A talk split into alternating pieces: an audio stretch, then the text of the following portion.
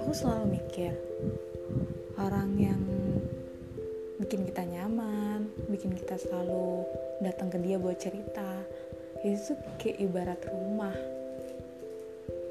Kayak ibarat rumah di mana kita bisa pulang dan kita ngerasa nyaman di sana. Tapi ternyata aku salah.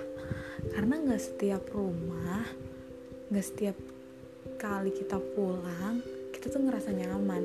Nggak semua rumah kayak gitu. Kadang ada rumah yang tiap kita pulang rasanya kita pengen keluar aja. Kita pengen pergi pengen kita kita pengen jauh-jauh dari rumah.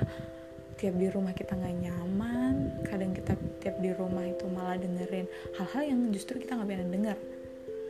Justru hal-hal yang kita cari yang rasa buat kita nyaman tuh nggak ada di rumah. Jadi kayaknya selama ini aku salah kalau aku mikir orang-orang yang bikin kita nyaman dan ngerasa pengen pulang itu disebut rumah.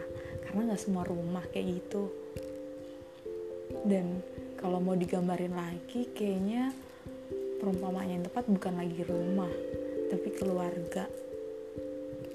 Even gak semua keluarga bikin kita nyaman tapi setidaknya kalau kita gambarin dengan keluarga even kita nggak nyaman pun kita bukan pulang ke keluarga. thank you